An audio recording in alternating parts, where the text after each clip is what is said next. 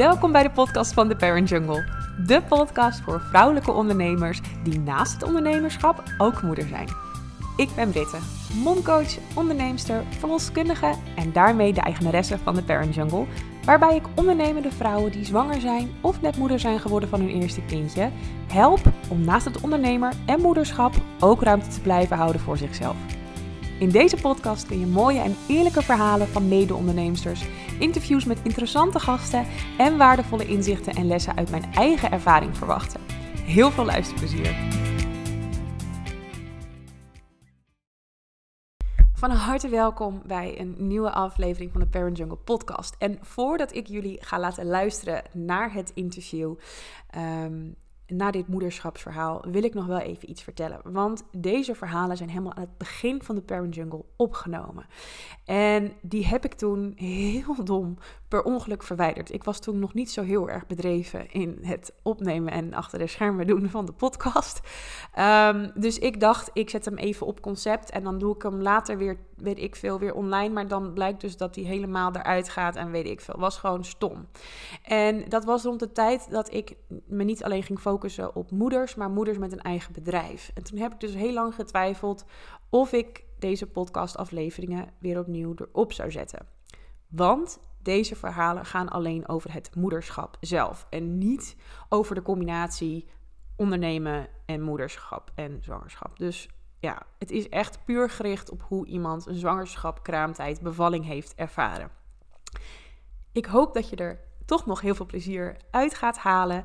Uh, het zal een reeks van drie verhalen zijn en die deel ik heel graag met jullie.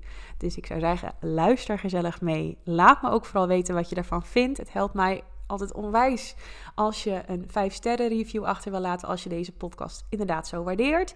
Um, dat kan heel gemakkelijk via de Spotify app. Dan kun je op het uh, sterretje klikken wat bij mij bovenin staat en letterlijk gewoon de hoeveelheid sterren geven die je het waard vindt. Letterlijk een, een taak van een paar seconden zou je mij een enorm plezier mee doen, maar ook andere moeders die op zoek zijn naar een fijne podcast. Alvast onwijs veel luisterplezier met deze aflevering.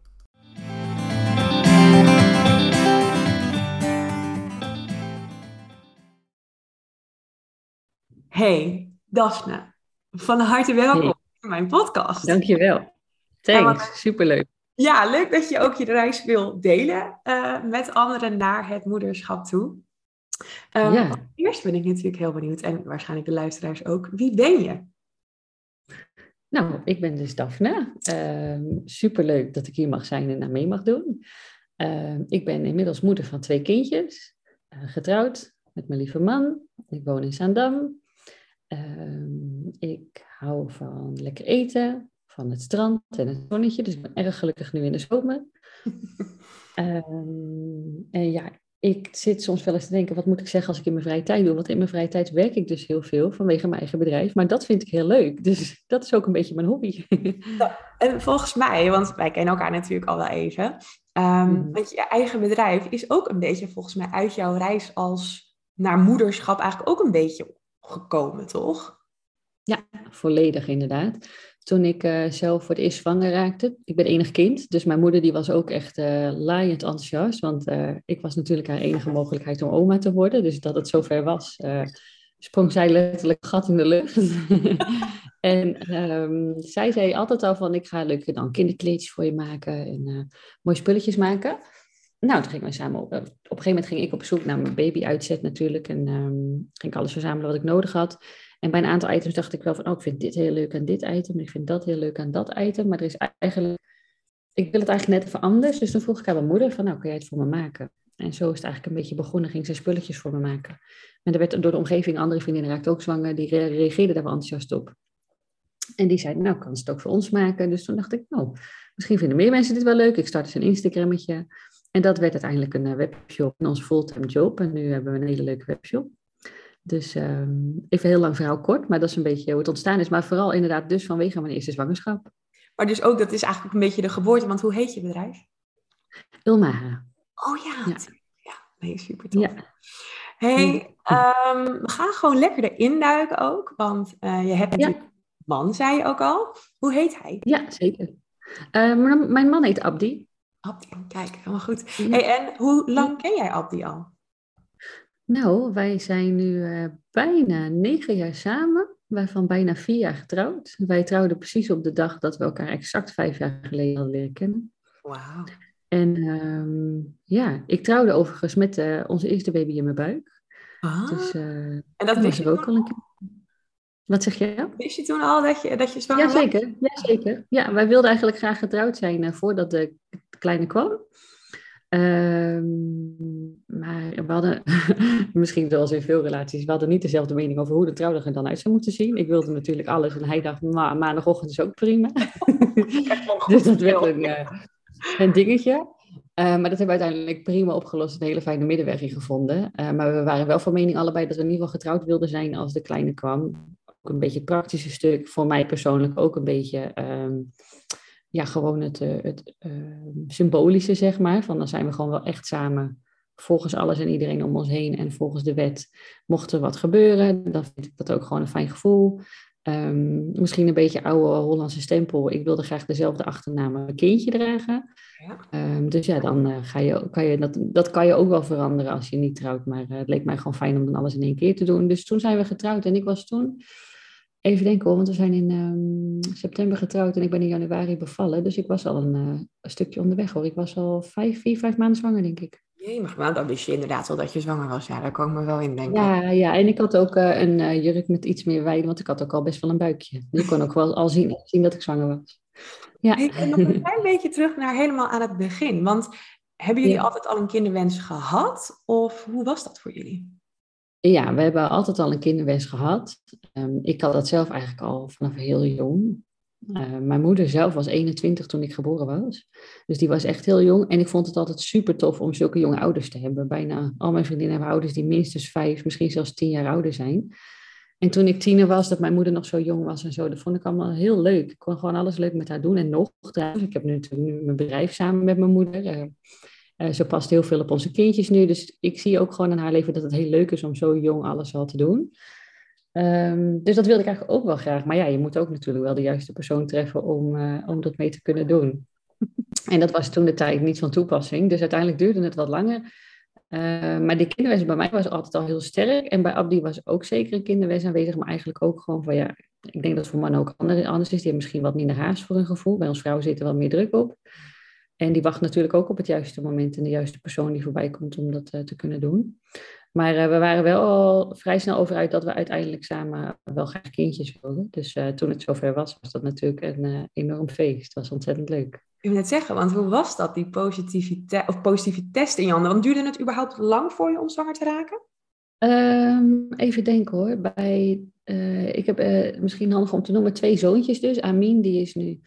Um, drie, die wordt in januari vier. En Isa is nu net twee geworden. Mm-hmm. Bij Amin was ik, um, dat was nog een dingetje trouwens, want ik had heel veel vriendinnen om mij heen, waarbij het mis was gegaan, um, buitenbaarmoedelijke zwangerschap, uh, miskramen. Ik had een ander stel, die was al drie jaar aan het pro proberen. Dus ik had ook tegen mijn man gezegd, van, of toen dus nog mijn vriend, van um, ja, we willen graag kindjes, maar laten we er niet van uitgaan van als we dat nu zeggen, we willen nu, dat we morgen een kindje, of dat ik morgen zwanger ben. Dat kan heel anders lopen. Kijk maar naar om ons heen. Dus met dat idee eigenlijk had ik op een gegeven moment was ik gestopt met anticonceptie en zeiden we, nou, we kijken wel wat het doet en we zien het wel. En toen was ik dus de tweede maand gelijk al zwanger. Dus toen uh, had uh, Abdi het gevoel dat ik hem in de zijk had genomen. En die zei, ja, jij met je mooie verhalen. Fantastisch. maar goed, je moest wel uh, even bewijzen dat het echt zo was. Ja, precies. Hij zei, nou, moeilijk hè, zwanger worden. Dus ik, toen zei ik dan gelijk, we zijn gewoon ontzettend gezegend dat het zo goed is gegaan en zo gemakkelijk ging. En nu is maar zien of de zwangerschap zelf goed verloopt. En dat verliep gelukkig goed. Maar um, we waren ons ook wel heel snel heel bewust dat dat echt een zegen was. Maar dat ging dus vrij snel, ja. Kon je er ook wel een beetje van genieten, zeg maar? Want ik kan me ook voorstellen, als je die verhalen zo om je heen hoort, dat je ook dat eerste stuk wat minder... Um, ja, dat je toch een beetje onder voorbehoud blij bent, zeg maar. Um, nee, ik kon er wel echt van genieten. Daar had ik niet. Uh, ik was natuurlijk wel gewoon scherp op alles. Ik had wel het gevoel dat ik vanaf het begin af aan al heel sterk ook met mijn eigen gevoel uh, in verbinding stond, zeg maar. Dus dat ik gewoon. Mijn gevoel zei dat het goed was, dus daar vertrouwde ik ook helemaal op. Ehm, en elke keer als ik, als ik een check had of, of een controle, dan was het ook goed. Dan werd dat weer bevestigd. Dus natuurlijk waren die eerste, de twaalf weken is natuurlijk een beetje een drempel. En bij onze eerste zwangerschap hebben we ook pas de mensen om ons heen na twaalf weken verteld dat, dat ik überhaupt zwanger was. Dus dat, dat vond ik ook nog heel spannend om dat dan voor me te houden. Maar dat is dan een soort van grens. Ehm, en toen die eenmaal voorbij was, dacht ik, ja, het voelt gewoon goed, dus dan zit het goed. Dus ik heb daar niet echt super veel zorgen om gehad. Nou, mooi ook. Niet meer dan, denk ik, gewoon normaal is tijdens een zwangerschap überhaupt. Want je zal altijd wel enige zorgen hebben. Van, je bent natuurlijk uh, ja, zwanger en je wil dat het goed gaat. Maar niet dat ik daar nachten wakker van heb gelegen of zo. Nee, je zegt, want hoe kijk jij over het algemeen dan terug op die eerste zwangerschap? Um, nou, weet je wat grappig is? Ik denk dat je achteraf dingen altijd veel positiever maakt dan dat ze misschien werkelijk waren. In welke situatie dan ook. Dus als ik nu, mijn, het eerste wat in mij opkomt is, nou, hartstikke positief. Terwijl als ik dan twee seconden langer nadenk, denk ik, ja, maar ik was ook wel echt heel ziek in het begin. En uh, ik heb echt wel, ben heel vermoeid geweest, heel moe geweest. Op het einde had ik last van mijn bekken. Maar dat lijkt je dan allemaal te vergeten of zo. Omdat je alleen de mooie momenten... Volgens mij is dat ook een menselijk brein, wat gewoon uh, negatieve dingen sneller op de achtergrond plaatst. Maar als ik het um, over het algemeen gewoon één simpele beschrijving zou moeten geven, toch zeker wel positief. Ik heb momenten gehad dat ik heel misselijk was en dat mijn lijf gewoon moe was. Ik op het einde, ik zwol ook helemaal op, vocht overal. En ja, ik denk niet dat dat heel gek is. Verder totaal geen gekke complicaties of zo waarvoor ik extra zorg nodig had. Dus ik denk niet dat ik te klagen heb. Nou, maar fijn, weet je. En, en wat je ook zegt, hoor ik wel vaak hoor. Want je bent ook, ook in de cultuur waar we zitten, gewoon heel snel geneigd om te zeggen: het was goed. Terwijl er mhm. misschien inderdaad precies wat je zegt als je even langer nadenkt. hey, en voel jij je ook al echt moeder in de zwangerschap?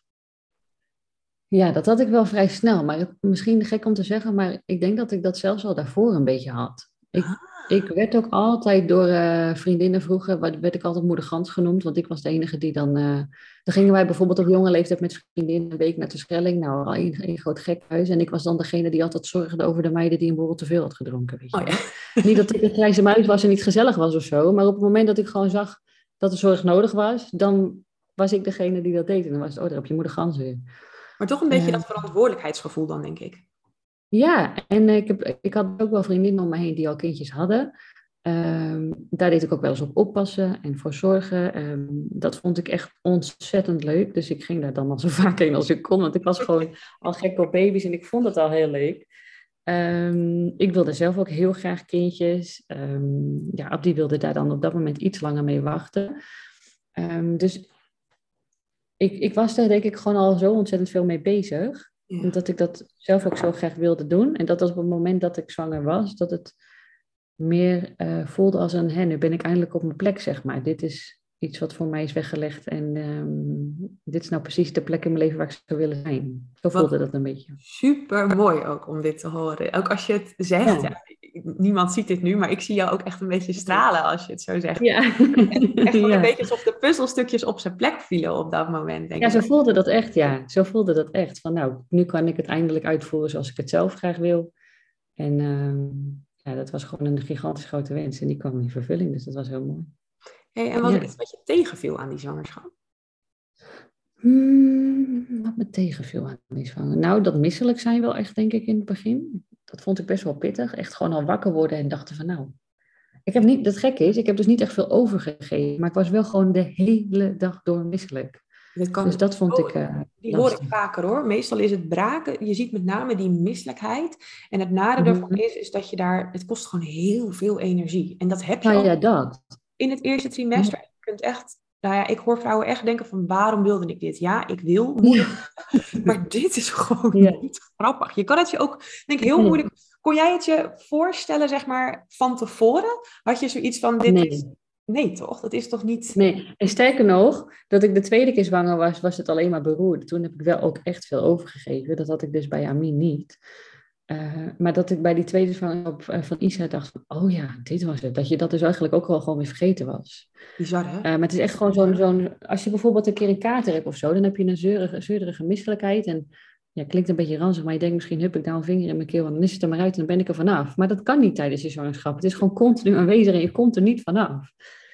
En dat, uh, dat, was, dat vond ik wel heel irritant. Was er iets wat hielp? Heb je nog een gouden tip voor moeders waarvan je denkt, nou dat was iets Ja, wat bij mij hielp was om continu iets in mijn maag te hebben. Dus ik, had, ik liep dus altijd uh, in mijn tas met van die... ehm, je hebt toch die lange, la- langwerpige crackertjes die je in, door tweeën kan eh, breken. Dat er twee vierkantjes zijn, die zoutcrackertjes of zo. Ik weet niet hoe dat Goeie. heet. Die had ik dus altijd in mijn tas. En als ik dan dacht, oeh, ik begin weer misselijk te worden, dan vrat ik weer zo'n pakje met van die crackertjes weg en dan ging het weer. Maar slim ook, want het is natuurlijk vrij droog. Er zit nog best wel smaak aan. Dat is, vind ik echt wel goede. Precies. Ja, dat droge spul, dat hielp voor mij goed. En ik had sowieso een beetje gekke craving naar zoute dingen. Dus dan vond ik dat altijd heel erg lekker. Slim. Ehm, ja, dus ik heb echt pakken met van die dingetjes weggewerkt destijds. Om, om die, maar dan vooral dat eerste trimester. Want ja, ik denk dat het met bijvoorbeeld 16, 17 weken zwangerschap of zo werd het wel minder. Mm. Maar die eerste 16, 17 weken, dat ja, was gewoon drama. Ja, meestal zie je Eh. een beetje tussen de 12 en de 16 weken dat het hormoon dat die misselijkheid veroorzaakt afneemt. Dat weet ik nog, dat mij dat ook werd verteld. Vanaf een week of 12 kan het minder worden. Maar toen duurde het dus nog even. Ja, dat was dus niet iedereen, kleine side note, Ja. gemiddeld Ja. gezien. Juist. Iedereen anders lopen. ja. Hey, en we hebben het net even gehad over dingen die je tegenvielen. Waren er ook dingen die je meevielen, die je van, van, tevoren in de zwangerschap misschien in je hoofd naarder of negatiever had bedacht? Ehm, of was dat wel prima? Hmm. Nee, ik had eigenlijk niet heel veel negatieve dingen bedacht eh, daarover. Ik was ook wel zo'n type die me heel erg ging inlezen. Ehm, en ik ben ook wel, wat ik net ook al zei, iemand die heel erg eh, gewoon naar mijn lijf luistert. Dus als ik dacht, het gaat even niet, dan... eh, kijk, ik kan ook koppig en eigenwijs zijn en denken van, ja, maar ik moet dit nog doen.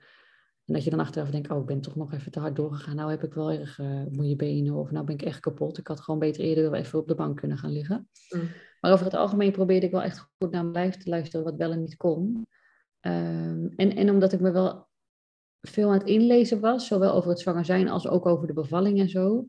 Um, en dan niet zozeer um, wat er in de standaardboekje staat, maar ik ben wel heel erg meer van uh, natuurlijke oplossingen en gewoon, ja, dus echt naar je gevoel luisteren. En um, dat ook al was iets dat negatief, dat ik dan ook heel goed kon relativeren van ja, maar dit hoort er ook gewoon bij. Dit is part of the deal. Dus ik heb niet echt iets gehad dat ik dacht, oh, dat valt mee. Want ja, ik had ook niet echt. Nee.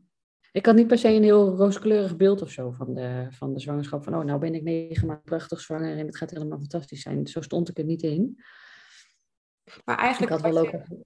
wat heel mooi is, is dat wat je nu eigenlijk zegt, is als je je ook wat goed of realistisch voorbereidt, want dat is het, of een realistische Mhm. verwachting hebt, kun je op Ja. momenten dat het inderdaad gebeurt, wat makkelijker relativeren. En ik denk dat daar ook heel veel kracht in zit en iets is wat mensen soms nog wel eens onderschatten. Want wat ik dan veel in de praktijk hoor, is dat mensen zeggen, ja, ehm, ik zie het allemaal wel, of als ik er open in sta, dan komt het wel goed. Maar eigenlijk Mhm. juist dan zien we dus dat het snel tegenvalt, omdat je eigenlijk geen idee hebt wat je kunt verwachten. Um, Nee, en ieder zijn ding, hè. Ik bedoel, wie weet past het niet bij degene die nu hier naar luistert. Maar um, over het algemeen zie ik ook als verloskundige betere resultaten in hoe mensen dingen hebben ervaren achteraf. Als ze gewoon Mhm. weten wat normaal is. Ja, precies. Ik hoor het ook wel om me heen, hoor, want ik was dan wel echt zo'n zo'n miep die echt alles tot in detail ging lezen over alles. Ik vond alles reuze interessant. En ik had ook wel vriendinnen die eh, dan tegen me zeiden van, ja, ik ben gewoon zo'n lekkere nuchtere Hollandse, Hollandse meid. Ik, het maakt allemaal niet uit, ik zie het wel en het komt allemaal wel goed. En uiteindelijk kwam het dan ook wel goed, maar niet op de meest relaxte manier. En dat ze dan bij een tweede zwangerschap dachten, nou weet je, kwaad kan het niet, ik ga me toch even wat beter voorbereiden. Ja. Uh, dat ze dan zeiden, nou, dat had ik echt bij de eerste moeten doen. Dat was zoveel chiller. Dat, uh, dus hoe positief je er ook in staat. Het is denk ik met alles zo, als je enigszins een beetje weet wat je te, te wachten staat. Of het nou gaat om de zwangerschap zelf, of over de bevalling, of de periode daarna. Dan kan je er gewoon veel beter inderdaad met de situaties omgaan, denk ik. Ik sluit me daar echt helemaal, helemaal bij aan. Dat is echt, uh, ja. ja, heel goed. En ja. ook al ben je dan zo'n, uh, misschien een heel positief ingesteld persoon en denk je nou, in elke situatie dan zie ik wel wat op mijn pad komt en dan maak ik er wat moois van. Dat is een supergoeie eigenschap. Maar dan nog denk ik dat je het veel mooier kan maken en er beter mee om kan gaan als je gewoon een beetje basiskennis in je hoofd hebt en een beetje weet wat je, wat je te wachten staat. Ja, denk ik ook. En wat, wat mij betreft is het hele moederschap avontuur, ook voor vaders, ik denk voor iedere ouder, uh, als je dat nog nooit eerder hebt meegemaakt, is het sowieso allemaal zo ontzettend nieuw en komt er zo gigantisch veel op je af. Dus er zijn altijd nog wel miljoenen dingen die je niet had voorzien of die je niet wist. Dus hetgeen wat je dan een beetje op kan voorbereiden, zou ik lekker doen. Dat is alvast mooi meegenomen.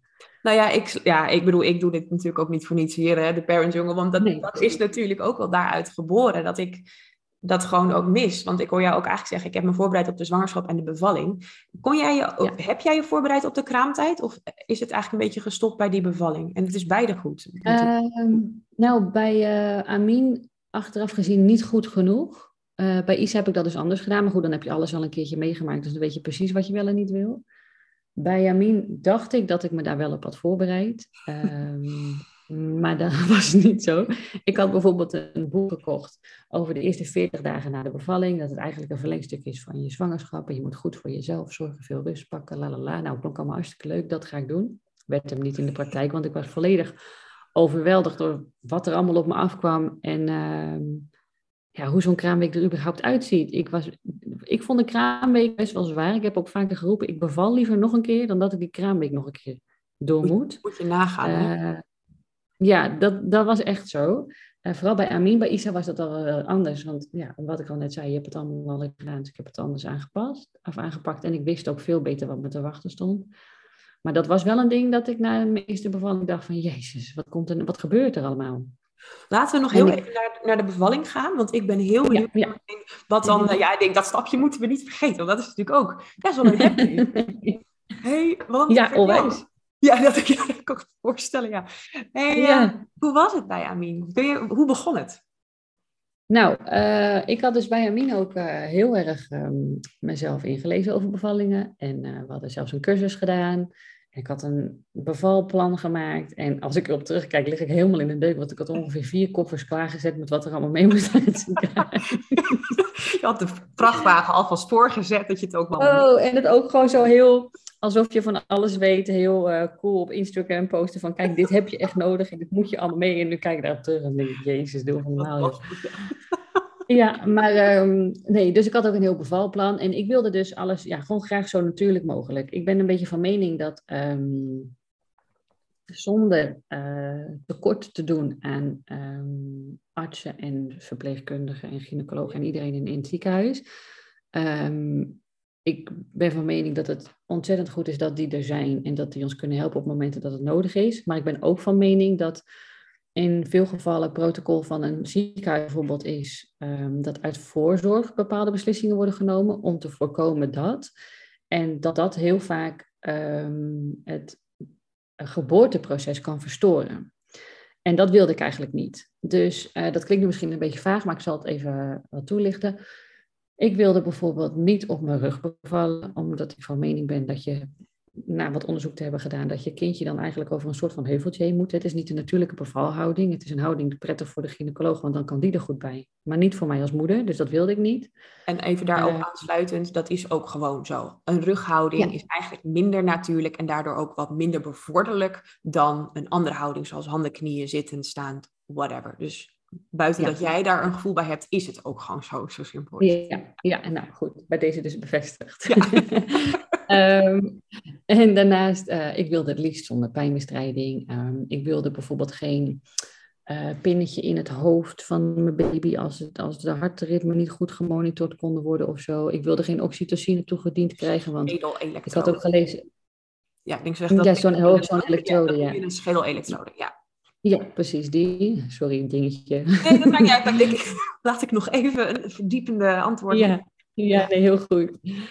En ik had dan ook weer me ingelezen over bijvoorbeeld oxytocine. Hè. Dat is natuurlijk, uh, weeopwekkers zijn dat. En als je die toegediend krijgt, dan kan dat de, de weeopwekkers die je lichaam zelf aanmaakt, je eigen natuurlijke oxytocine, kan dat weer wat afremmen omdat je kunstmatige binnenkrijgt. En dan kan dat ook weer het geboorteproces verstoren. Dus ik dacht, nou, dat wil ik ook niet. Ik wil alles gewoon lekker zo natuurlijk mogelijk op mijn eigen manier doen.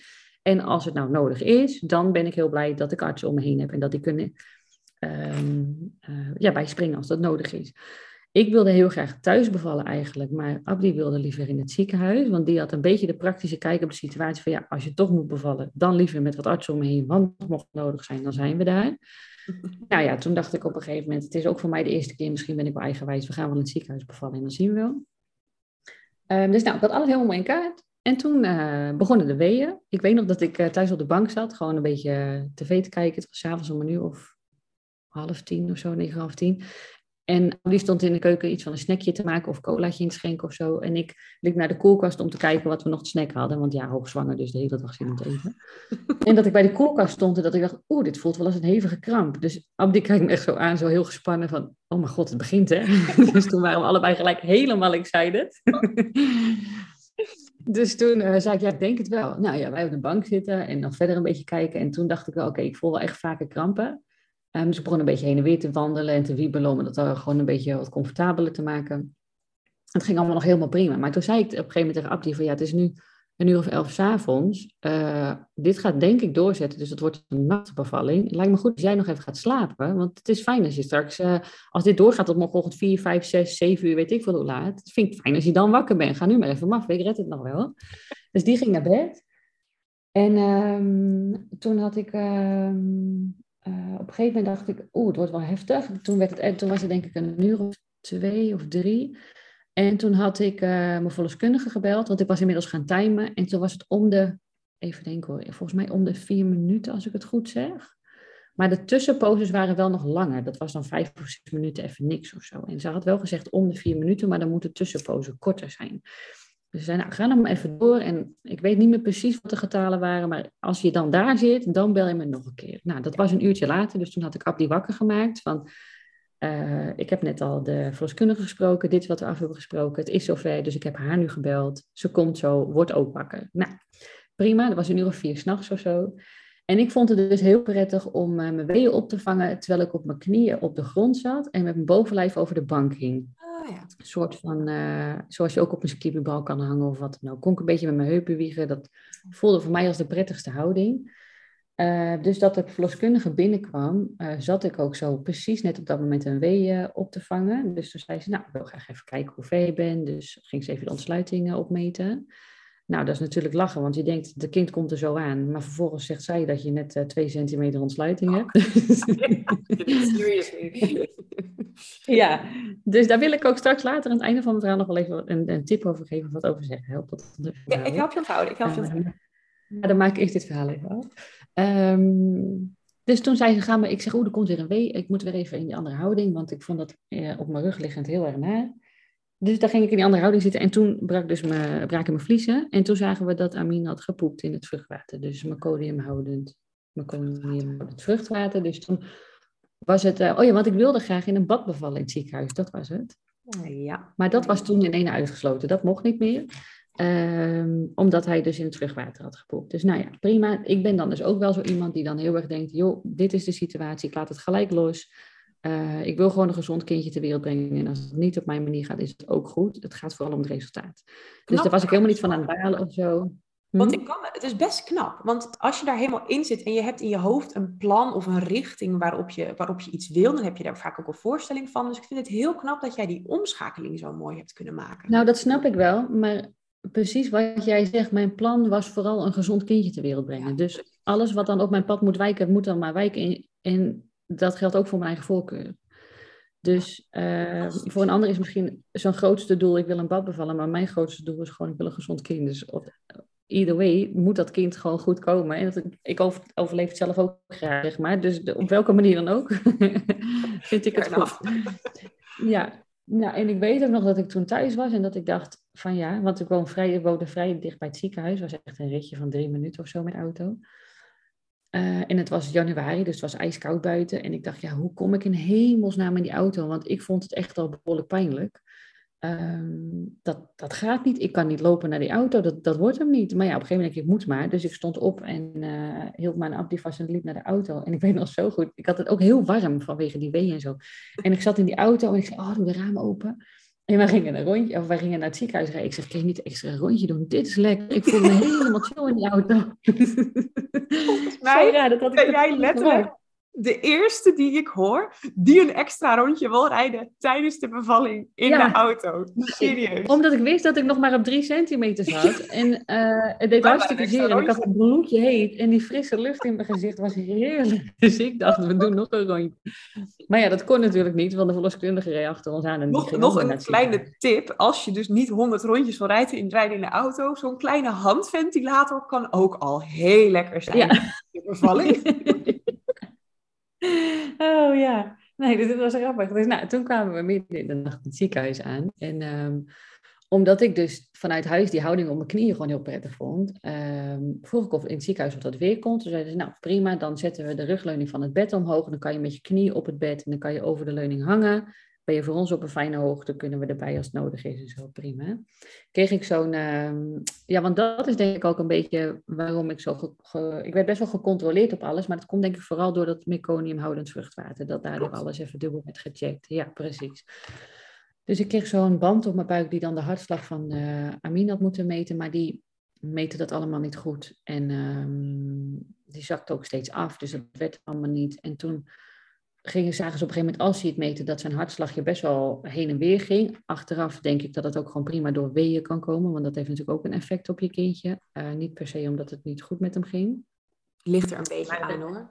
Want het is, het is ja het punt is, kijk, we meten dingen en we weten gewoon van heel veel weten we. We weten bij een bepaalde ritme of bepaalde diepte of hoogte van de hartslag, denken we, wacht even, wat is er aan de hand? Alleen het is natuurlijk mm. lastig als het niet goed registreert, want dan denken we, ja, dan gaan we het maar meteen serieus nemen of zo. Dus dan gaan mensen daar geen risico in nemen, dus zijn ze waarschijnlijk voorzichtiger. Precies. Ja. Juist, exact. Dat is precies wat er is gebeurd, denk ik. Want ik had het ook achteraf besproken met uh, de volkskundige die bij mijn bevalling aanwezig was. Ehm, van, ehm, voor mij voelde dat op dat moment gewoon um, helemaal prima. Ik weet dat jullie vanuit jullie kant zorgen hadden, omdat je dat op die cijfers op de monitor zagen. Maar mijn moedergevoel, waar ik voor mijn gevoel heel goed mee in contact stond, die zei dat het gewoon goed ging. Dus mijn vraag was eigenlijk voornamelijk, Stel dat ik jullie niet om me heen had gehad en ik was gewoon op mijn manier doorgegaan, had ik dan mijn kindje in gevaar gebracht? Dat was eigenlijk mijn grootste vraag. Goeie en vraag. toen was het antwoord. Ja, en toen, want ook vanwege mijn tweede bevalling later. Uh, maar toen was het antwoord van nee, totaal niet. Uh, zij was ook van mening dat, dat die schommeling hoogstwaarschijnlijk door de weeën werden veroorzaakt en dat het gewoon een voorzorgdingetje was. Um, maar ook dat liet ik op dat moment los, want de enige eh, andere optie was dus inderdaad zo'n schedelelektrode om dus een hartslagje goed te kunnen monitoren. Maar ja, dan uh, uh, voor de mensen die het niet weten, dan krijgt je kindje dus een heel klein um, ja, draadje in zijn hoofdje geprikt. Dat gaat dus tussen je benen naar binnen, waardoor je dus aan een draadje vast ligt. En je ligt dus op je rug. Ik kon geen kant meer op. Maar ja, als het dus, goed is, want dat is eigenlijk is dat wel anders. Want eigenlijk, die schedelelektrode, die is in plaats van een van die banden aan je buik. En wat we dus inderdaad mhm. doen, is een soort ja, schroef. Ja, dat klinkt ook echt heel, maar een heel dun draadje in het, in het huidje van de baby draaien. Maar daardoor kan er één band weg, maar hebben we continu directe registratie met de baby, waardoor je vaak juist meer bewegingsruimte hebt. Maar wat ik ja, dat hoor je dus vaker. Maar bij mij op de een of andere manier, ik zei ook van, ik vind het vreselijk op mijn rug. Kan ik niet in een andere houding? Nee, dat kon niet. Ik moest op mijn rug blijven liggen. Maar weet je dus wat ik, ik denk, als ik jouw verhaal hoor waar dit vandaan is gekomen, is omdat het kan in sommige houdingen, zie je dat een, een de hartactie van de baby daarop reageert. Dus misschien dat ze jouw hmm. houding niet hebben veranderd vanwege die schedelelektrode, maar vanwege hoe de hartslag toen was op dat moment. Maar dat is even van mm. mij achteraf een interpretatie. Maar juist vaak zie je dat je meer bewegingsruimte hebt, omdat je die directe registratie hebt en hem dus wat minder verliest. Ja, precies. Oké. Ja, nou, zou nog kunnen. Uh, maar dat was in ieder geval bij mij niet het geval. Nee, dat is dus ik uh, lag op mijn rug. ja. En uh, nou, dan lag ik op mijn rug weer op te vangen. En dat, dat vond ik wel echt pittig. Maar ik, had wel, ik vond het heel zwaar. Toen op een gegeven moment was nou, wil je pijnbestrijding? dacht ik, nee, ik vind het zwaar, maar ik kan het wel aan. Ik wil liever gewoon helder blijven. En ook voor na de bevalling, dat ik geen gedoe romslomp of misschien zweverig in mijn hoofd ben. Net waar wij voor kiezen natuurlijk qua pijnbestrijding. Dus ik dacht, we gaan gewoon door. En uh, op een gegeven moment, ik had, want ik had ook een um, arts in opleiding en de gewone arts. En mijn eigen verloskundige mocht erbij zijn uh, die zei, ik blijf bij je totdat ik eventueel een andere oproep voor een andere bevalling krijg. Maar ik had ook nog een verloskundige van het ziekenhuis natuurlijk, omdat ik daar eigenlijk aan bevallen was. Nou, dan heb je nog, uh, denk ik, uh, heb ik nog, denk ik, verpleegkundige. Dus voor mijn gevoel, ik zei tegen Abdi voor de grap op een gegeven moment van, volgens mij is het hier open huis. Wie wil er nog meer even komen kijken? Want ik had echt op een gegeven moment gewoon zeven mensen om me heen staan, denk ik. Maar goed, ook dat, op dat moment dacht ik, joh, ik vind het echt allemaal prima als het kind er maar is. En toen was ineens de kamer helemaal leeg. We waren met z'n tweeën. En toen dacht ik dus in een van, nou, ik weet niet wat er gebeurt. Achteraf weet ik dat dat dus persweeën waren. Oh, ja. Maar ik dacht, wat gebeurt er? Ik heb totaal geen controle meer. En uh, mijn lijf ging echt volledig in, uh, in persweeënmodus. Die vond ik best wel heftig. Dus toen had Abdi er gelijk iemand bijgeroepen. En um, toen dacht ik, nou, met deze kracht, dan uh, is die baby er waarschijnlijk zo uit. Maar dat was dus niet zo. Ik heb uiteindelijk anderhalf uur um, liggen persen nog. Uh, en toen na anderhalf uur, toen op een gegeven moment waren mijn eigen, de wee vanuit mijn eigen lichaam, want ik kreeg ook oxytocine toegediend dus uiteindelijk om, uh, om extra, bij, na die perswee hoor, want daarvoor had ik dat echt niet nodig, maar toen die persweeën zakte af, dus toen zeiden ze van nou dan gaan we je oxytocine geven, dan kunnen we het een extra boost geven, maar dat deed ook vrij weinig. Dus toen op volle eigen kracht, kreeg ik ook niets voor elkaar. Dus toen op een gegeven moment was het eigenlijk op het allerlaatste stond het hoofdje bijna, maar kreeg ik het net niet over het randje heen. Dus toen zeiden ze van nou, we helpen je een handje, we zetten er zo'n, ik weet niet hoe dat heet, zuignapje denk ik op. De vacuüm, ja, de vacuüm. Oh ja, dat is eigenlijk inderdaad een soort, soort zuignap, ja, zo kun je het zien. Ja, precies dat. Uh, eigenlijk niet eens om hem eruit te trekken, maar om te voorkomen dat hij weer terugzakt. Want op je wee ben je eigenlijk zo ver, maar hij glijdt net weer terug naar binnen. Dus nou, we houden hem even vast. En bij de eerstvolgende week wee was hij geboren. Uh, dus ja, dat we toen, toen was Amine er ineens en toen werd hij op mijn borst. En toen um, hield ik hem gelijk helemaal zo stevig vast. En ik weet nog dat ik het heel bijzonder vond, maar dat ik dacht, wat voel ik nou? Dus ik steek mijn hand op en toen zat dus mijn hand onder de poep. Want ja, natuurlijk. Die lekkere, dikke, zwarte teer is het ook vaak. Ja, lekker. Dus uh, help, kan iemand mijn hand schoonmaken? dus uh, toen lieten ze hem wel uh, op, mijn buik, of op mijn buik liggen. En terwijl hij bij me lag, maakten ze hem dan voorzichtig een beetje schoon. ik had namelijk ook gezegd, van ik wil niet dat hij gelijk gewassen wordt of in de, in de kleding. eerst, het eerste, minstens het eerste uur gewoon lekker bij mij op de borst. Um, ik wilde eigenlijk ook de navelstreng helemaal laten uitkloppen. Ik wilde ook dat de placenta vanzelf zou komen, dat daar niet uh, gehaast mee gedaan werd. Maar de gynaecoloog in opleiding die had een andere mening. Dus ik kreeg letterlijk, terwijl ik daar nog op mijn rug lag, een discussie met haar. Want zij was op mijn buik aan het duwen en aan de placenta aan het trekken. Dat ik zei, donder op blijf van me af. hey, maar hoe ben je daarmee omgegaan? Dat lijkt me eigenlijk, weet je, gewoon niet echt heel grappig als je daar ligt. Je hebt duidelijk een mens aangegeven dat je daar rustig aan mee wil doen. En iemand mm-hmm. besluit dat anders te doen. Hoe, hoe was ja. dat voor jou? Hoe ben je daar? Nou, dat vond ik dus op dat moment ook lastig. Uh, want ik was aan de ene kant helemaal uh, ja, in de wolken, zeg maar. Of, of, of in mijn eigen wereldje, omdat ik net mijn baby in mijn armen had. Uh, Abdi was daar natuurlijk ook mee bezig. En ik had dus gezegd, want ik, ik had al veel gelezen en ook gehoord en ook al van tevoren in de consulten met de verloskundige besproken. Um, het, is altijd een beetje een vage grens. Ik vind dat soms lastig, want aan de ene kant wilde ik alles zo natuurlijk mogelijk. En als je daarop gaat verdiepen, dan lees je heel vaak van, nou, wat die artsen daar doen is onzin en wat ze daar doen is onzin. Maar die doen het ook niet voor niks. Dus ik wil daar altijd wel een beetje juiste balans in vinden en uh, wel keuzes maken. Dus dat had ik van tevoren ook besproken. En wat betreft de placenta had ik dus gelezen van in veel gevallen willen gynaecologen of artsen dat na 10 minuten dat je placenta dan los moet laten, want anders kan je eventueel te veel bloed verliezen. Uh, maar dat, dat is protocol. Het kan per vrouw verschillen. In extreme gevallen zou het zelfs prima na een uur nog los kunnen laten en is er niks aan de hand, zolang je maar niet te veel bloed verliest. Um, en overigens, en... dat is ook zo. Dat is ook zo, okay. weet je. We zijn daar inderdaad wel actief mee, maar... Ja. Uh, en dat komt ook omdat we dan denken, hoe sneller we die placenta hebben, hoe sneller we weten dat die überhaupt loslaat en dat de kans op bloedverlies klein is. Maar in principe vinden we bij een eerste kindje een uur normaal. Bij een tweede kindje zijn we daar iets sneller in en vinden we binnen een half uur normaal. Mits oh ja. het bloedverlies stabiel blijft. Ja, nou, dat vond deze, deze gynaecoloog in opleiding niet.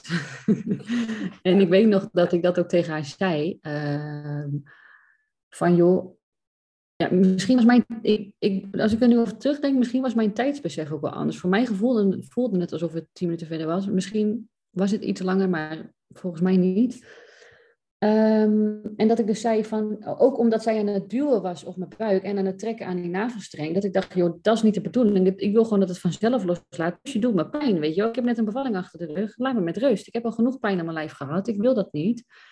Dus dat had ik ook tegen haar gezegd. Van joh, ik heb in mijn bevalplan staan dat ik dit niet wil. Wacht gewoon even, als het kan, als ik niet te veel bloedverlies heb. Ik wil dit nu niet. Nee, hij moet er echt nu uit. Ja, en ondertussen gebeurde er van alles met Amine. En die werd ook een beetje schoongemaakt. Dus je bent met drie dingen tegelijk bezig. Dus toen dacht ik van nou, laat maar. En op een gegeven moment terwijl zij dus nog bezig was, liet die placenta ook los. Dus toen was het klaar en dan dacht ik, nou, vergeet we ook weer.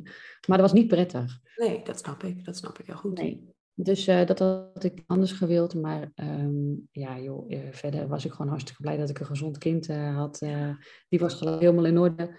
Hoe was um, dat? Toen je voor het eerst je zoon vasthield. Laten we daar nog heel even ja. naar gaan. Ja, ja, nou weet je dat het iets is wat voor mij best wel een beetje als een waarzame voorbij is gegaan. Als ik er nu aan terugdenk, dan kan ik daar niet eens echt details meer van herinneren of zo. Het is meer een gevoel wat als herinnering hangt, maar niet de details van hoe dat dan was of en ook niet gek, hè? Weet je, er is zoveel gebeurd. Je lijf heeft. Ja, precies. Ja, geweld is niet het goede woord, maar zoveel meegemaakt, gevoeld. Uh, wat het ook allemaal voor de eerste keer doet.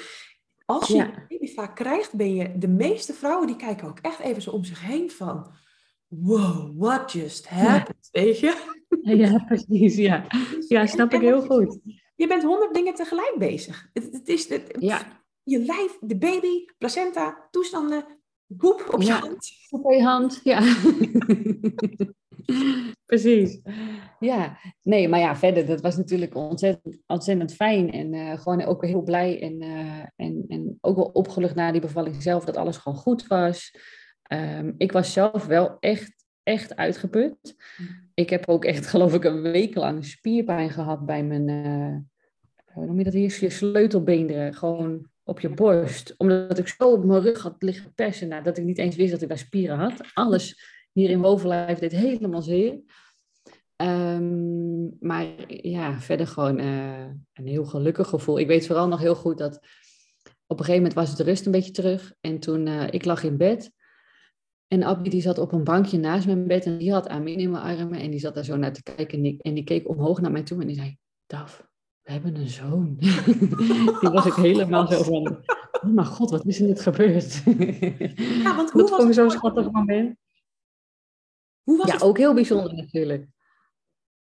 Ja, en hij, uh, hij zei hij de bevalling zelf, ja ook, hij zei gelijk ook bij een tweede, mocht er een tweede komen, gaan we dit anders doen. Uh, want hij wist nu ook in een, uh, het verschil tussen wat mijn wensen waren en hoe het in het ziekenhuis gaat. En hij zei wel van, ik had misschien uh, wat harder kunnen vechten voor jouw wensen, zeg maar. Uh, maar ik zei ook, hou er maar over op, want ik had waarschijnlijk precies hetzelfde aan. Want je maakt het allemaal voor het eerst mee. Dus je kan wel zeggen dat je iets vindt. Maar je hebt totaal geen ervaring. Dus ja, wat ga je doen? Um, dus dat, uh, maar goed, ik vond het wel leuk om te horen. Dat ik dacht van, nou, als er dan een tweede komt, dan weet ik in ieder geval dat hij ook begrijpt wat het verschil hierin is. En wat ik graag had gewild en hoe het is gegaan. Maar verder, ja, hij, hij, was natuurlijk ook helemaal, uh, helemaal in de wolken en helemaal blij. En uh, ja, Amin was al gelijk in het begin heel zoet, heel lief, dronk goed. Um, ja, iedereen was gewoon heel blij. Het was gewoon een mooie, mooie tijd. Ja, ik kan niet anders zeggen. Maar goed zo en fijn ook. Um, wanneer kwam een beetje de realisatie? Was dat ook toen hij zei: We hebben gewoon een zoon? Was dat voor jou ook wat meer realisatie dat er inderdaad echt een zoon kwam? Of was dat al wel. Ja, wel later, wel later toen de rust een beetje terug was, inderdaad. Want wat ik zei, ik was, ik was echt uitgeput. Want uh, in principe mocht Amin ook gewoon al. Hij is soms morgens uh, vroeg geboren dit is heel erg, maar ik weet dus de tijd niet eens uit mijn hoofd. En rond half tien was het. 37 volgens mij, maar ik weet niet zeker. 9 uur 37. En um, Amin mocht in principe twee uur s middags of zo naar huis. Van joh, we hebben alles wel gezien en hij is helemaal gezond en uh, neem maar lekker mee. Alleen ik zelf, uh, ik stond op en ik viel gelijk flauw. Dus ik was gewoon nog, uh, ik was veel te zwak na die bevalling. Dus toen mochten we nog een nachtje blijven. dat vond ik heel fijn, want ik dacht ook echt toen van ja, als ik me nu zo voel, hoe ga ik überhaupt in de nacht naar zijn bedje lopen? Of uh, dat gaat niet. Ik kan niet eens zelf naar de wc toe lopen en ik, en ik ga al neer. Dus dat was heel fijn. Dus toen konden we. En, en uh, Amim kon gewoon bij me blijven. En, en, we mochten ook op dezelfde kamer blijven, want die was niet nodig voor een andere bevalling. En er werd een bed neergezet voor Abdi. Dus het was echt super fijn. ja. Dus toen mochten we gewoon nog één nachtje langer blijven. En toen. Uh, uh, werden we dus in de nacht ook werd ik geholpen met, het was natuurlijk ook allemaal nieuw, met borstvoeding geven en zo. Dus de verpleegkundige die daar was, die kon gelijk een beetje helpen en tips geven. En die deed zelfs een keer s'nachts het appel te slapen, dit zei even luid verschonen. Dus dat was gewoon heel prettig om die eerste nacht even die hulp te hebben. En toen zijn we dus de volgende ochtend, ik denk om tien of elf uur of zo, zijn we naar huis gegaan met ons eh, als gezin. Dat vond ik ook zo heel gek. Dat je voor het eerst dan met z'n drieën in de auto zit en dat er dan zo'n Maxi met een mini-mini uh, achter je op de bank zit. Dus uh, ja, dat was heel leuk. Hey, en dan die kraamweek. Want, oh nee, wacht, voordat ik het vergeet. Net zei je nog iets over die 2 centimeter, dat je daar nog iets over wilde zeggen. Ja, want dat, is dan, dat heeft dus een beetje te maken met mijn tweede bevalling. Want door deze hele ervaring, toen ik dus weer zwanger was, dacht ik, oké, nu... Want ik had mijn hele bevalling ook besproken met mijn verloskundige. Eigenlijk dat punt van, ik moest dan op mijn rug gaan liggen. Voor, voor mijn gevoel ben ik vanaf toen de controle kwijtgeraakt. Um, maar voor mijn eigen gevoel ging het wel gewoon goed. Wat is daar misgegaan? Lag dat aan mij? Of is dat uit voorzorg gegaan vanuit het ziekenhuis? Um, nou, de conclusie was, om een lang verhaal kort te maken, dat dat uh, conclusie was meer vanuit het ziekenhuis dat mijn gevoel wel goed zat. Toen dacht ik, oké, dan kan ik dus gewoon vertrouwen op mijn gevoel. Dan wil ik het nu compleet anders doen. Ik wil nu wel echt thuis bevallen, in een bad. En ik wil het zoveel mogelijk gewoon zelf doen. Want ik denk dat ik dat prima kan. Ik heb het nu een keer meegemaakt. Ik weet wat er gaat gebeuren. Um, ik vertrouw op mijn lijf en op mezelf. En ook dat ik het aan zal voelen als het niet goed is. En dat ik dan dus hulp kan vragen. Maar uh, omdat het mij zo ontzettend tegenviel dat ik zo weinig ontsluiting had. En dat is natuurlijk tijdens die bevalling nog een paar keer gecheckt. En dan denk je van, joh, nou die baby komt er nu echt bijna aan. Want ik verga van de pijn en is nog maar weer 6 centimeter of zo. Um, en dat er een beetje een, een ouderwetse tellingssysteem is van nou elke uur een centimeter. Maar dat is ook onzin natuurlijk, want het kan bij iedere vrouw compleet verschillend zijn. Um, dus toen dacht ik, weet je wat, ik wil gewoon die centimeters niet weten. Als jij het voor, voor de zorg op mij fijn vindt, dan mag je van mij kijken en checken, maar niks aan mij vertellen. Dus, uh, en ik had de mazzel, uh, dat hoopte ik, en dat gebeurde ook, bij precies, um, mijn tweede bevalling precies dezelfde verloskundige er was als bij mijn eerste. Dus die wist precies wat ik de vorige keer had meegemaakt, wat ik uh, wel en niet fijn vond en wat ik wilde. Dus die begreep het hele verhaal. Dus zij kwam toen ook binnen. Uh, dat was dus thuis, wat hij midden in. Ik, ik zal het niet zo lang proberen te maken als die eerste bevalling. Anders zijn we over drie uur nog aan het kletsen. Maar ik had midden in mijn woonkamer een bad neergezet. En uh, de weeën waren al wat heftiger. Ik durfde nu ook wat langer te wachten met bellen, want ik wist natuurlijk een beetje hoe het zou gaan. Dus pas echt dat het goed bezig was, belden we haar. Ze woonde dichtbij, dus ze was hier met uh, tien minuten. En toen zei ik dus ook tegen haar, van, nou, we hebben afgesproken dat ik niet getoucheerd wil worden, uh, maar als je het voor jezelf fijn vindt om enige inschatting te hebben hoe ver ik ben, mag je kijken, maar hou je mond. nou, ja. vond ze prima, dus zij ging kijken. Ja, precies. Dus dan zijn beide partijen blij. Dus uh, zij ging kijken en uh, had verder niks gezegd. En achteraf zei ze dus dat ik op dat moment weer maar drie centimeter ontsluiting had, terwijl het voor mijn gevoel echt al behoorlijk gevorderd was. En met haar uh, berekeningen zou ik dan niet eerder dan een uur of elf in de ochtend gaan bevallen. Nou, Isa is dus ook kwart over negen geboren. Dus dat ging allemaal veel sneller. ik weet ook nog heel goed, ik zat helemaal in mijn eigen bubbel. Het was trouwens, dat was twee jaar geleden in de zomer. Het was toen ook 30 graden, het was bloed, bloedverziekend heet. Wat heel fijn was, omdat ik in het bad zat, uh, dat Um, ik had ook ventilators in huis. Dus als ik dan een beetje nat was, mijn bovenlijf, en ik hing over het bad en die ventilator stond erop, dat was ook heel lekker verkoelend. Je hoeft er niet meer de auto in. Nee, ik hoefde niet meer de auto in, inderdaad. en toen uh, hing ik een beetje zo in mijn eigen wereld over die, uh, over die rand heen. En ik was al die weeën aan het wegblazen uh, en zo. Maar zij liet me echt met rust. En enkele keer vroeg ze van, ik wil eventjes met um, de doptoon heet dat toch? Dat je het hartje kan luisteren even checken of het goed gaat met de baby. Dus dan uh, zo half met mijn ogen dicht. Oh ja, is goed, luister maar even. En dan ging ze weer weg. Het was heel relaxed. Ze bleef echt een beetje op een afstandje. En Abdi die zat uh, zo half naast mij. Die viel af en toe nog een beetje zo op de stoel. Dat weet ik nog dat ik heel erg moest lachen. Die zat naast mij op een stoel, zo met zijn armen over elkaar. En die zie ik ineens zo helemaal inzakken. Die ligt gewoon zo op die stoel te slapen. Omdat er zo een wijze relaxe sfeer in huis hing. Want ik had een heel chill muziekje aangezet. En ik had kaarsjes aangezet. En het was gewoon helemaal lekker relaxed hier.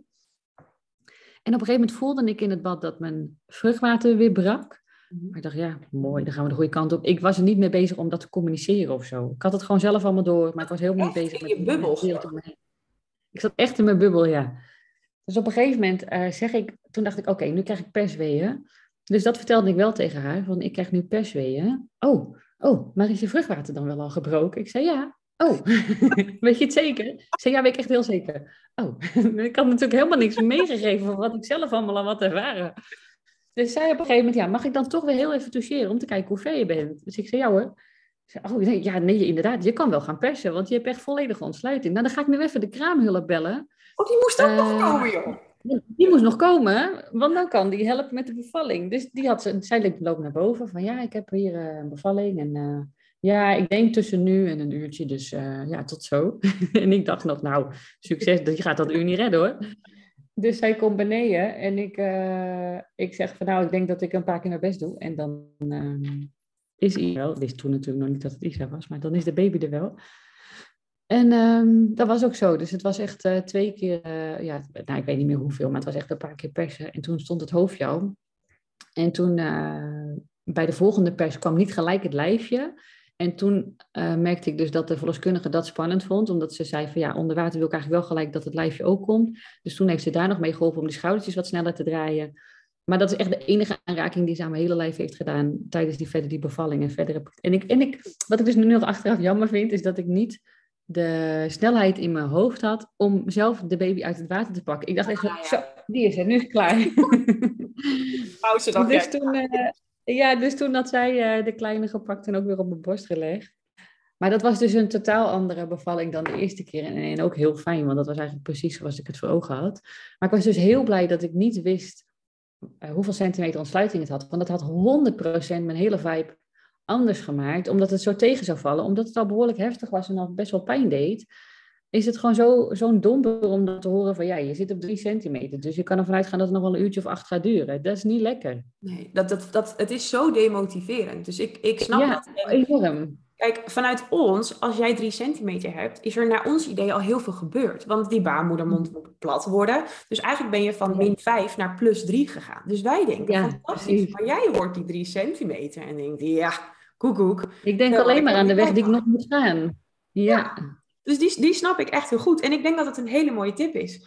Um, sommige vrouwen, wat die ook nog wel eens zeggen, ik wil het um, weten als het boven of onder de vijf is. Dat hoor ik ook. Oh ja, precies. Dat je bijvoorbeeld een beetje dan weet, nou, oké, dan heb ik in ieder geval dat eerste stuk gehad.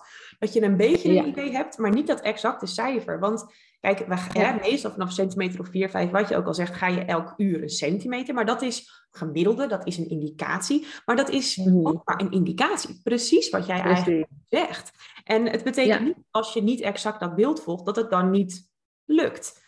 Nou, en dat, is, dat, dat snap ik heel goed, dat je daar op deze manier zo bent, mee bent omgegaan.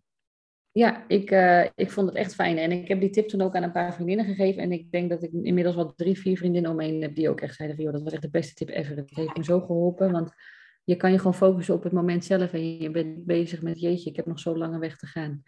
Um, dus ja, dat was een, eh, een tip die ik even mee wilde geven. Kijk, nou, die staat, staat erop, dus top. Ja.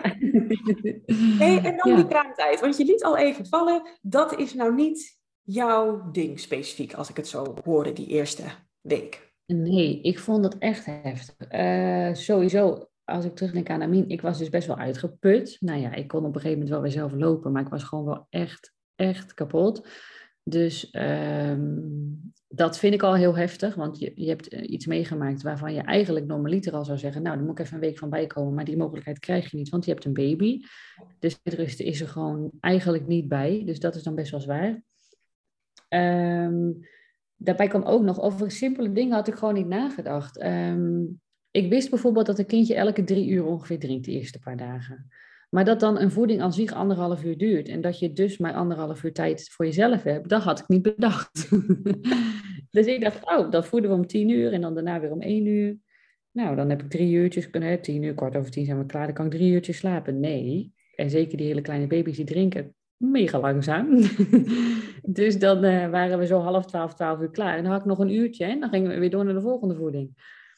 Um, dus ja, dat vond ik wel heftig. Dat had ik echt onderschat. En uh, uh, ik had ook, ik had, de, de borstvoeding ging heel goed, kwam heel goed op gang. Maar ik had eerder juist last van te veel uh, productie, zeg maar. Dus ik had ook heel erg pijnlijke borsten. Uh, dat hele lijf deed gewoon zeer.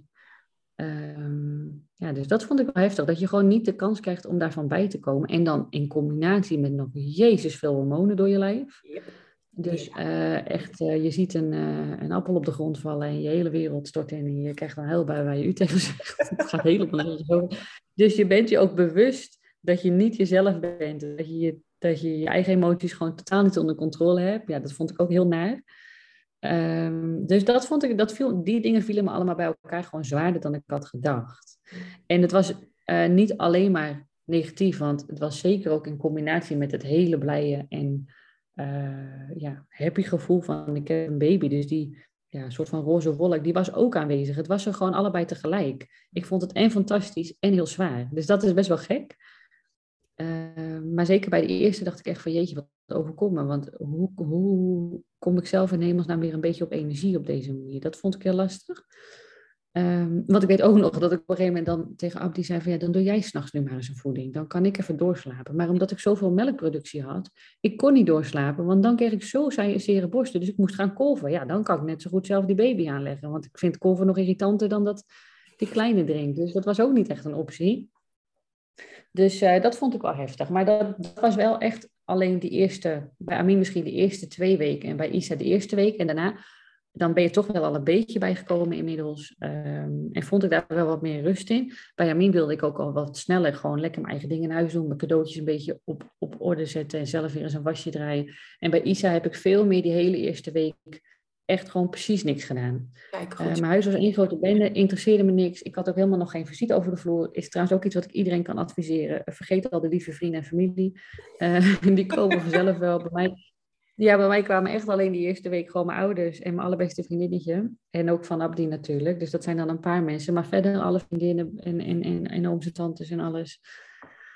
Uh, ja, wacht maar even een week. Want we gaan eerst überhaupt dus zelf even wennen aan elkaar. En een beetje weer op kracht komen. En daarna mag iedereen langskomen. Dat werkte voor ons wel echt heel fijn. Zo vaak. Bij een eerste dat je er gewoon... Je verkijkt je er gewoon op. Hoe intens ja bezoek is. En, want als je nu iemand over de vloer hebt voor bewijs van een uur, twee uurtje, prima. Maar precies wat je zegt, je bent aan het herstellen, maar eigenlijk kun je nog niet herstellen. Dus om dan al mensen over de vloer te hebben, je bent hartstikke kwetsbaar. Het is, het is, laatst maakte iemand een vergelijking, je bent een open zenuw, alles komt binnen. Dus bezoek komt veel harder binnen. Dus iedereen... Doe het niet die eerste week. Weet je, kies een paar mensen uit waarvan je denkt, nou, die echt. En de rest, weet je, of je die een week later of twee of drie weken later ziet, weet je, niks gemist, zeg maar. Nee, precies. Nee, absoluut. Dat maakt helemaal niks uit. Maak wat leuke foto's, stuur ze via WhatsApp, iedereen blij en dan kan je ja. later even lekker op komen. Ja, het klinkt allemaal een beetje bot en plat, maar het is gewoon wel zo. Je doet het jezelf gewoon, en dus ook je gezin. Want als jij zelf als moeder denk ik gewoon um, chill bent en wat meer happy in de situatie bent, dan heeft iedereen daar profijt van. Um, dus je doet er iedereen gewoon zoveel meer plezier mee om het even wat rustiger aan te doen. En eerst goed naar jezelf te kijken en te luisteren voordat je allemaal anderen mee gaat pleasen. Waar had jij je achteraf meer op voor wil, willen bereid willen zijn, zeg maar, wat betreft die kraamtijd?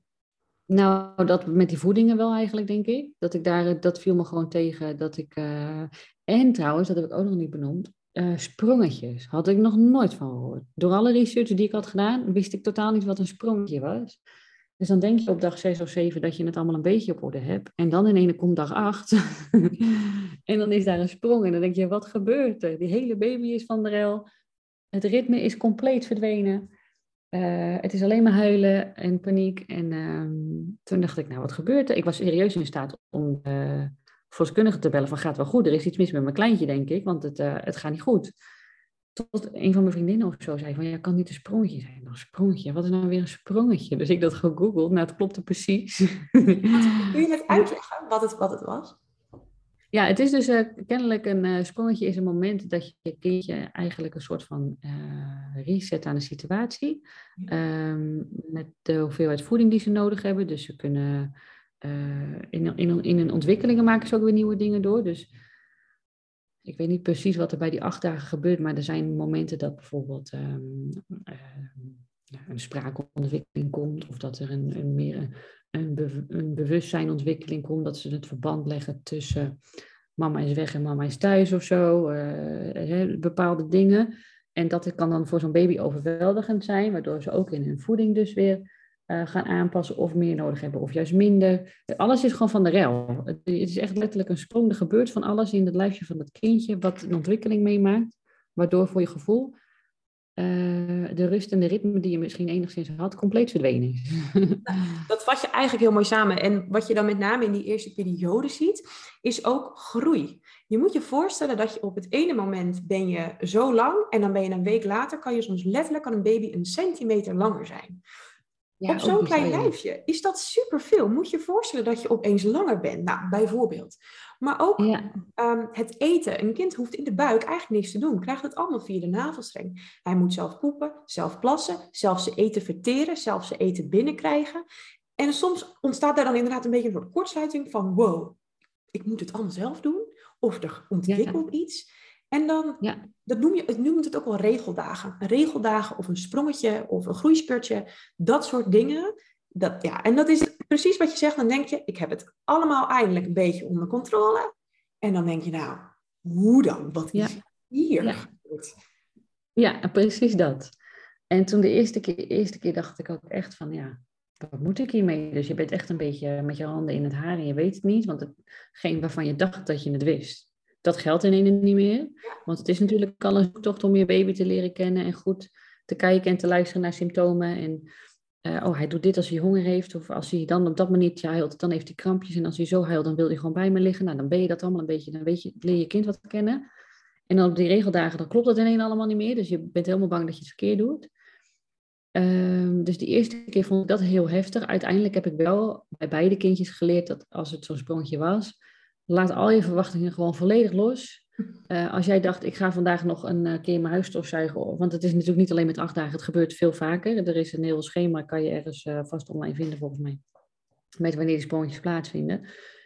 Als het dan weer zover was, dan dacht ik, oké, we zijn weer zover. Ik cancelde letterlijk mijn agendaafspraken. Als ik nog in mijn hoofd had dat ik dingen het huishouden ging doen, bekijken, de tv gaat aan, de draagzak pak ik erbij. Ik liep de hele dag met die kleine draagzak ik zorg voor mezelf voor een goede zak met M&M's en we komen deze dag wel weer door. Ehm, dus dat is ook een tip wat ik mee kan geven. Probeer echt alles om je los te laten. Want als je vast gaat houden van, oh, mijn kind houdt maar, ik moet nog dit en dat. Nou, dan wordt het echt een onwijze rotdag voor je. Ja, precies. Uh, zeker als je nog in je zwangerschapsverlof zit, dan heb je de luxe om gewoon lekker niks te hoeven doen. Pak die en um, ja. Slim, ja. Lekker chillen met je kindje waar, waar het nodig is. hey, en hoe vond jij het toen je eenmaal moeder was? Had je nog ruimte voor jezelf? Heb je daar nog... Hoe was dat voor je? Um, ja en nee. Um, ik had op veel momenten het gevoel dat ik die ruimte niet had, omdat ik gewoon altijd bezig was met de kleine. Maar ik ben ook slecht in ruimte voor mezelf pakken. Ja. Dus uh, ja, dat ben ik me ook bewust. Ik denk dat ik uh, dat gewoon veel vaker moet vragen of moet, moet, moet zeggen en moet doen. En dan komt die ruimte er wel. Maar dat ik heel veel meer een type ben van, uh, oh, maar ik, ik, doe het wel, ik zorg wel en ik los het wel op. En uh, ja, dan blijft er weinig tijd over, want kinderen hebben 24-7 zorg nodig. ja, mis je het ook? Dus, en, wat zeg je? Mis je de tijd voor jezelf? Nou, nu op dit moment gaat het goed hoor. Maar ik, ik denk dan vooral terug aan die beginperiode, een beetje nog naar de kraamtijd toe. Uh, en eerlijk gezegd, toen, toen ik alleen Amin had, kijk, hij deed natuurlijk ook tussen die voedingen door alleen maar slaapjes. En dan zette ik wel even lekker een serietje op. Dus dan kon ik dat op zich wel prima met elkaar combineren. Met Isa als tweede kindje erbij was het wat lastiger. Want op het moment dat Isa dan sliep, dan was Amin natuurlijk gewoon wakker. Ik had een peuter in huis. Nou, peuters willen helemaal veel aandacht. Dus dan is dat lastiger. Ging dat wel weer fijner om te combineren met uh, Abdi. Want wij zijn wat dat betreft wel een beetje een gezin van de oude stempel. Ik als vrouw zorg gewoon heel erg in het huis uh, voor, voor, voor dat soort dingen. En hij zorgt buiten het huis onder andere bijvoorbeeld dat de financiën op orde zijn. Dus we zijn wat dat betreft wat tra traditionele. Dus bij Amin pakte ik automatisch ook alles helemaal zelf op. Bij Isa ging dat niet altijd. Want als ik dan een hele nacht bezig was geweest met Isa met voedingen. En Amin komt als peutertje om zeven uur s morgens. Goedemorgen en ik heb zin om te spelen. Dan denk ik, ja, ik lig net twee uurtjes. Ik kan niet spelen nu, weet je wel. Dus dat had ik wel uh, goede shifts met Abdi altijd afgesproken. Dan, ik deed dus de nachten met Isa en hij ging gewoon altijd in de ochtend eruit met Amin. Uh, we hadden de luxe en de mazzel dat uh, het coronatijd was, hoe vervelend het ook was. Maar dat kwam ons goed uit, want Abdi kon dus altijd thuiswerken. Dus als ik het even zwaar had, dan kon hij gewoon zeggen van, uh, ik help je wel eventjes en ik ga voor een half uurtje weer verder. Die kon zijn tijd volledig zelf inrichten. Dus dat was voor ons wel echt heel prettig. We hadden daardoor door de corona natuurlijk ook geen opvang. Dat was weer een nadeel, want anders had je Amin misschien nog weer wat vaker naar de opvang kunnen brengen. Dat kon nu niet. Uh, maar goed, zo deden we dat in ieder geval heel prima samen. En nu als ik spreek over vandaag, kan ik het steeds beter. Ik ben ook gewoon weer lekker aan het sporten en ik ga regelmatig met vriendinnen even de deur uit. Um, pak ook wel momentjes voor mijn eigen ontspanning. Dus dat gaat ook gewoon wel prima. Maar ik merk wel dat, je, dat het heel makkelijk is om altijd maar in die zorgmodus te staan. En dat je wel eigenlijk echt voor jezelf moet zeggen van ik heb nu ook gewoon even tijd voor mezelf nodig. Wat brengt het jou als je meer tijd voor jezelf hebt? Waar merk je dan aan dat dat positief werkt? Nou, dan ben ik eigenlijk in alles een veel gezelliger mens. Ja, ja als ik lange tijd niets voor mezelf heb gedaan, dan... Uh, ik kan soms echt zo van hele kleine dingetjes genieten. Ik ben bijvoorbeeld gek op Amsterdam, ik woon in Zaandam. Maar als ik alleen maar een wandelingetje door het centrum kan doen... en even bij mijn favoriete tentje een theetje kan halen... dan kan ik alweer een week op vooruit. Dan ben ik helemaal happy. En uh, Abdi zegt ook altijd dat hij dat dan altijd gelijk ziet. Van ja, jij moet dat soort dingen doen. Want ik krijg echt een totaal andere vrouw thuis die helemaal happy is en enthousiast van... oh, was weer lekker in mijn buurtje en gezellig. Um, en dan ben, heb ik ook gewoon een veel langer lontje naar de kinderen toe. Als je, toen Isa net geboren was, nou, door corona zat natuurlijk heel veel thuis, niks kon. Heb ik ook wel een periode gehad dat ik dacht van, eh, ik ben echt ook helemaal geen leuke moeder. Ik ben helemaal niet gezellig, want ik heb zo'n kort lontje. Ik ben alleen maar moe door die slapeloze nachten. We kunnen niks leuks doen buiten de deur. Nou is dat voor iedereen natuurlijk wel een heftige periode geweest. Maar ook hier met twee van die kleine kindjes in huis dacht ik van ja, daar werd het er niet veel gezelliger op. En als je dan nu uh, gewoon dat wel allemaal weer lekker kan doen en uh, af en toe wat voor jezelf doet, ja, dan word je gewoon in het algemeen een, een gelukkiger persoon van, denk ik. Wanneer kwam je erachter dat dat, dat, dat, dat, dat meer nodig was? Wat zeg je? Wanneer kwam je erachter dat, dat, dat je het misschien wat meer nodig had? Was dat iets wat natuurlijk ontstond? Of was er echt wel een moment waarvan je dacht, dit gaat niet goed, ik ga er nu wat... Ja, eerder dat laatste. Ja. ja. dat zeggen, ik ben slecht in... Uh voor me goed voor mezelf zorgen, zeg maar. Dus ik ben veel meer geneigd om eerst voor alle anderen te zorgen voordat ik voor mezelf zorg. Um, dus vaak ben ik zo'n eigenwijs type die tegen de deur aan moet lopen voordat ik besef dat ik het misschien wel nodig heb. Mm. Dan, uh, dan ga ik dat eenmaal een paar keer doen en denk ik, oh, ik krijg wel echt goede energie van. Dan ga ik dan toch maar vaker doen en dan begint het balletje wel te rollen. Precies. Ik zit er dan trouwens een beetje aan te denken, want we hadden het net even over voorbereiding. Zou dit ook iets zijn waarvan je achteraf dacht, daar had ik me meer op voor willen bereiden of daar had ik wat meer bewust van willen zijn? Hmm, niet echt over nagedacht, maar ik denk wel dat het een goede is om over na te denken in het vervolg. Ja. Ja, je wordt gewoon heel snel heel erg geleefd. Uh, ik denk dat het uh, voor heel veel moeders geldt dat je instinctief gewoon gaat zorgen voor je kindje en je doet alles wat die nodig heeft. En daar komt dan bij kijken dat je jezelf gewoon vergeet, want je bent met je kind bezig. Dus dat gaat ook gewoon heel erg vanzelf en automatisch, denk ik. En dus moet je er veel bewuster van zijn om wel die momenten voor jezelf te pakken. Want als je dat niet doet, dan gebeurt het denk ik niet. Precies, en daar sluit ik me ook echt bij aan ook hoor. Want ik zie het vaker gebeuren en daarom vraag ik ook een beetje op door. Omdat ik het naar mijn idee daar vaak fout zie gaan. Uh, tussen aanhalingstekens. Um, ja. En ik ben heel blij te horen dat jij op een gegeven moment inderdaad voelde van, oh wacht, dit werkt. En, en dat het zo natuurlijk uiteindelijk toch wel een beetje door is gegaan. Um, In de zin toch even er ergens tegen aangelopen, maar toen gemerkt ook hoe fijn het is als je wat tijd voor jezelf hebt. En ik denk ook echt dat als we daar allemaal veel meer bewust van zijn, of, of, of misschien zelfs hulp bij krijgen, dat het veel, nou, dat je er, dat je er veel langer en veel lekkerder tegenaan kunt tegen dat moederschap. En dat je er ook meer van kunt genieten, omdat je er een beetje een, een stapje terugpakt. Ja, absoluut. Ik weet ook nog goed uh, als voorbeeld bijvoorbeeld dat ik dan, uh, dat Isa een paar maanden oud was. Als dan s'avonds Amin op bed lag. Nou, dan heb je een drukke eigenwijze peuter. Die was uh, nog geen twee jaar. Dus die doet natuurlijk lekker waar hij zelf zin in hebt. Dus dan, als hij s'avonds om zeven uur op bed lag, kon je nog wel eens denken van zo, dat is lekker. Nu heb ik eventjes één kind in plaats van twee. Dat scheelt alvast. Um, en dan zei Abdi wel eens, nou, ik ga even sporten of ik ga even een rondje wandelen. En dan dacht ik, ja, oké, is goed, veel plezier. Dan zit ik dus weer hier. Met alle liefde, daar gaat het niet om. Maar jij pakt wel je tijd en ik niet. Dat is eigenlijk, waarom doe ik dat nou? Dus uh, daar, op een gegeven moment ontstond er dan eerst een discussie dat ik nog een soort van ga beschuldigen. Van ja, jij gaat wel lekker wandelen. Waarop hij dan volledig terecht zegt, waarom ga jij dan niet lekker wandelen? Niemand houdt je toch tegen? Uh, ja, goed punt eigenlijk. Ik hou alleen maar mezelf tegen. Want ik kan natuurlijk ook net als jij zeggen van joh, hey, succes met die kleine, ik ga even lekker sporten. Of, of wandelen, of weet ik veel, een kopje thee doen bij een vriendin. Maar dat, uh, dat deed ik niet. Dus dat heb ik wel geleerd. En, en dat heb ik dan in mijn geval pas geleerd door tegen de deur aan te lopen. Dat ik op een gegeven moment echt dacht van, ik uh, ben gewoon niet meer zo'n leuk persoon. Ik wil graag wat beter in mijn vel zitten. Dat Ab zei, ja, ga dan ook wat beter voor jezelf zorgen. Ah, terecht. En ook mooi dat hij jou die spiegel trouwens toen zo heeft voorgehouden. Vind ik ook wel heel tof. Ja, dat kan niet goed. ja, maar dat gaat dus nu gelukkig ook hartstikke goed. En soms moet je denk ik dingen in het leven ook gewoon... Uh, mijn vader zei altijd al, je moet eerst op je bek gaan, wil je wat kunnen leren. Niemand weet dat koffie heet is als je niet een keer je vinger erin hebt gestopt. Dus ehm, dat is ook wel zo. Zo moet je gewoon ergens uh, iets meemaken voordat je daarvan leert. Want je kan wel mensen waarschuwen, maar als je er niet zelf in hebt gezeten, is het toch anders. Is, is, ook, is ook echt. Ja. Dus, en als we dan nu terugkijken op jouw reis, als je één les mag noemen die je iedere moeder zou willen meegeven, of iedere moeder to be, wat is jouw meest waardevolle les? Oh jeetje. Ehm, ja, dit is denk ik een vreselijk cliché en dit zegt iedereen, maar geniet. ja, sorry. sorry. Het is echt wel oprecht het eerste wat in me opkomt. En ik kan ook wel een voorbeeld noemen. Ehm, toen ik nog zwanger was, hebben wij Ilma opgericht. Nou, dan begin je een beetje met een leuk Instagrammetje en een websiteje en zo. En dan, Ami was bevallen. Nou, die kon leuk als model staan voor onze producten. En ik maakte leuke fotootjes met hem in huis en zo. En dat was allemaal prima te combineren, want ik had één kind en die sliep af en toe. En dan in de tussentijd zorgde ik voor hem.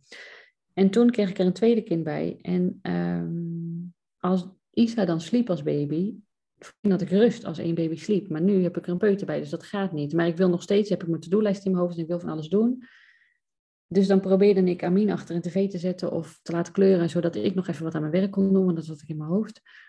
En dat creëerde zo ontzettend veel onrust. Hij ging aan mijn arm hangen van mama, mama. En ik dacht, laat me even met rust. Ik moet alleen maar even de deeltje tikken. En dan ben ik klaar. En op een gegeven moment had ik ook zo'n besef. Want ik dacht, ja, wat ben ik nou eigenlijk aan het doen?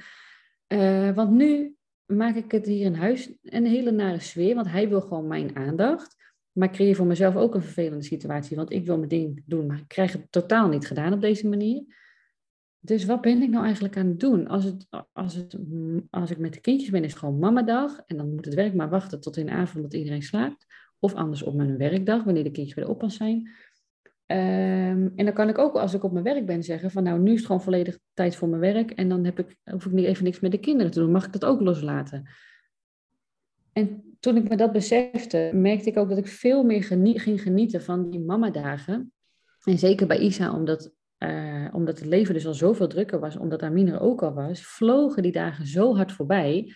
Dat voor mijn gevoel het eerste half jaar met Isa echt aan me voorbij is gegaan eigenlijk. Waar ik bij Amin honderden foto's maakte en dagboekjes bijhield, dat heb ik bij Isa ook allemaal niet gedaan. Dat is misschien ook wel een beetje standaard, maar het leven gaat dan zo snel en in één je knippert drie keer met je ogen en afgelopen week is hij twee jaar oud geworden. Uh, dus hoe cliché het ook is, probeer echt op de dagen dat je met je kindjes bent, gewoon zo lekker bewust in dat moment te zijn. En dat je al die herinneringen goed opslaat. En maak miljoenen filmpjes lekker voor jezelf om later terug te kijken. Weet je, dat is leuk en dan kan je er nog een keer van genieten. Uh, maar ja, geniet gewoon met elkaar. Dat is echt wel het belangrijkste, denk ik. Heel mooi. Ik vind het een hele mooie, mooie les, denk ik. Ja, prachtig. En ik vind, hem, vind het wel meevallen op cliché. Als je hem zo inleidt, denk ik, nou nee, heel mooi. En dan als allerlaatste afsluitervraag. En dit mag lekker gewoon vanuit je snelheid en, en gewoon eerste ingeving beantwoord worden. Als jij het moederschap in drie woorden mag omschrijven, welke drie zijn dat? Puur, intensief en één groot feest. Kijk, ik vind hem prachtig. We gaan ja. afsluiten. Daphne, onwijs bedankt dat jij in deze podcast wilde zijn. nou, eh, superleuk dat ik het mocht zijn. Ik vond het heel leuk om te doen. En jongens... Ik hoop dat mensen misschien wat hebben aan mijn ervaringen en mijn tips. Nou, ik vind het, een, ik denk het wel. Ik moet zeggen, ik vind het ook, ik heb er zelfs ook nog wat van geleerd. Die crackertjes ga ik mensen ook adviseren nu uh, in mijn dagelijkse praktijk als verloskundige. Dus dat. Um, en allemaal, het is echt wel even de moeite waard. Want Ilmaha heeft echt, het is echt, ik vind het ook heel tof, alle producten. Ik heb nog geen kinderen, maar ik weet wel waar ik naartoe ga. Uh, dus kijk vooral ook heel even op Instagram uh, bij Daphne, Ilmaha en nou, helemaal tof. Daphne, Superleuk, denk Ja, jij bedankt.